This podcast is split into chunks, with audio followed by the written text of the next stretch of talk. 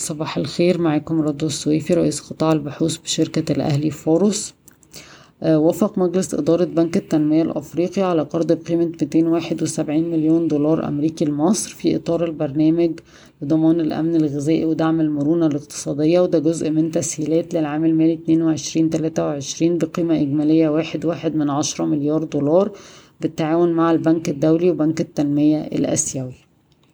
بالنسبة لأخبار الشركات صرح مجلس إدارة شركة مدينة نصر أن نطاق سعر الاستحواذ الاسترشادي المقدم من شركة صادق اللي هو تلاتة وعشرين لتلاتة أربعين لا يعكس قيمة أصول شركة مدينة نصر ودعا مجلس الإدارة الجمعية العامة للمساهمين للتصويت على ما إذا كان سيتم السماح بالفحص النافي للجهالة على الرغم من عدم موافقة مجلس الإدارة على العرض نظرا للسعر.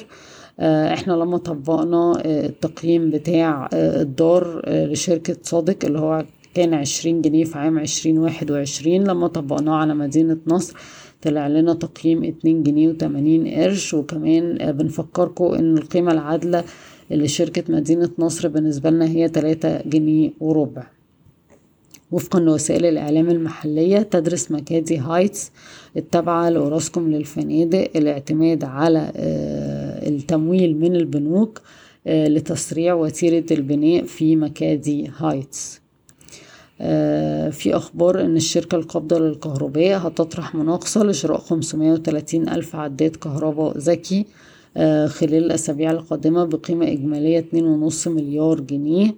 ومذكور إن السويدي وحسن علام من بين الأطراف المهتمة بالمناقصة. آه انتهت مهلة سريان قرار خفض إنتاج نحو 23 شركة منتجة للأسمنت آه آه آه الإنتاج اللي هو المفروض إنها انتهت كانت لمدة سنة وانتهت في نص يوليو والشركات آه قدمت طلبات بمد القرار لمدة سنتين والجهاز بينظر في القرار والمفروض إن هو يطلع بقرار نهائي في آخر شهر يوليو.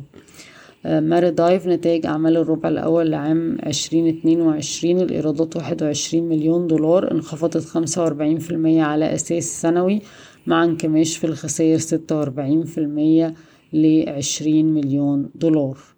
بشكركم ويوم سعيد.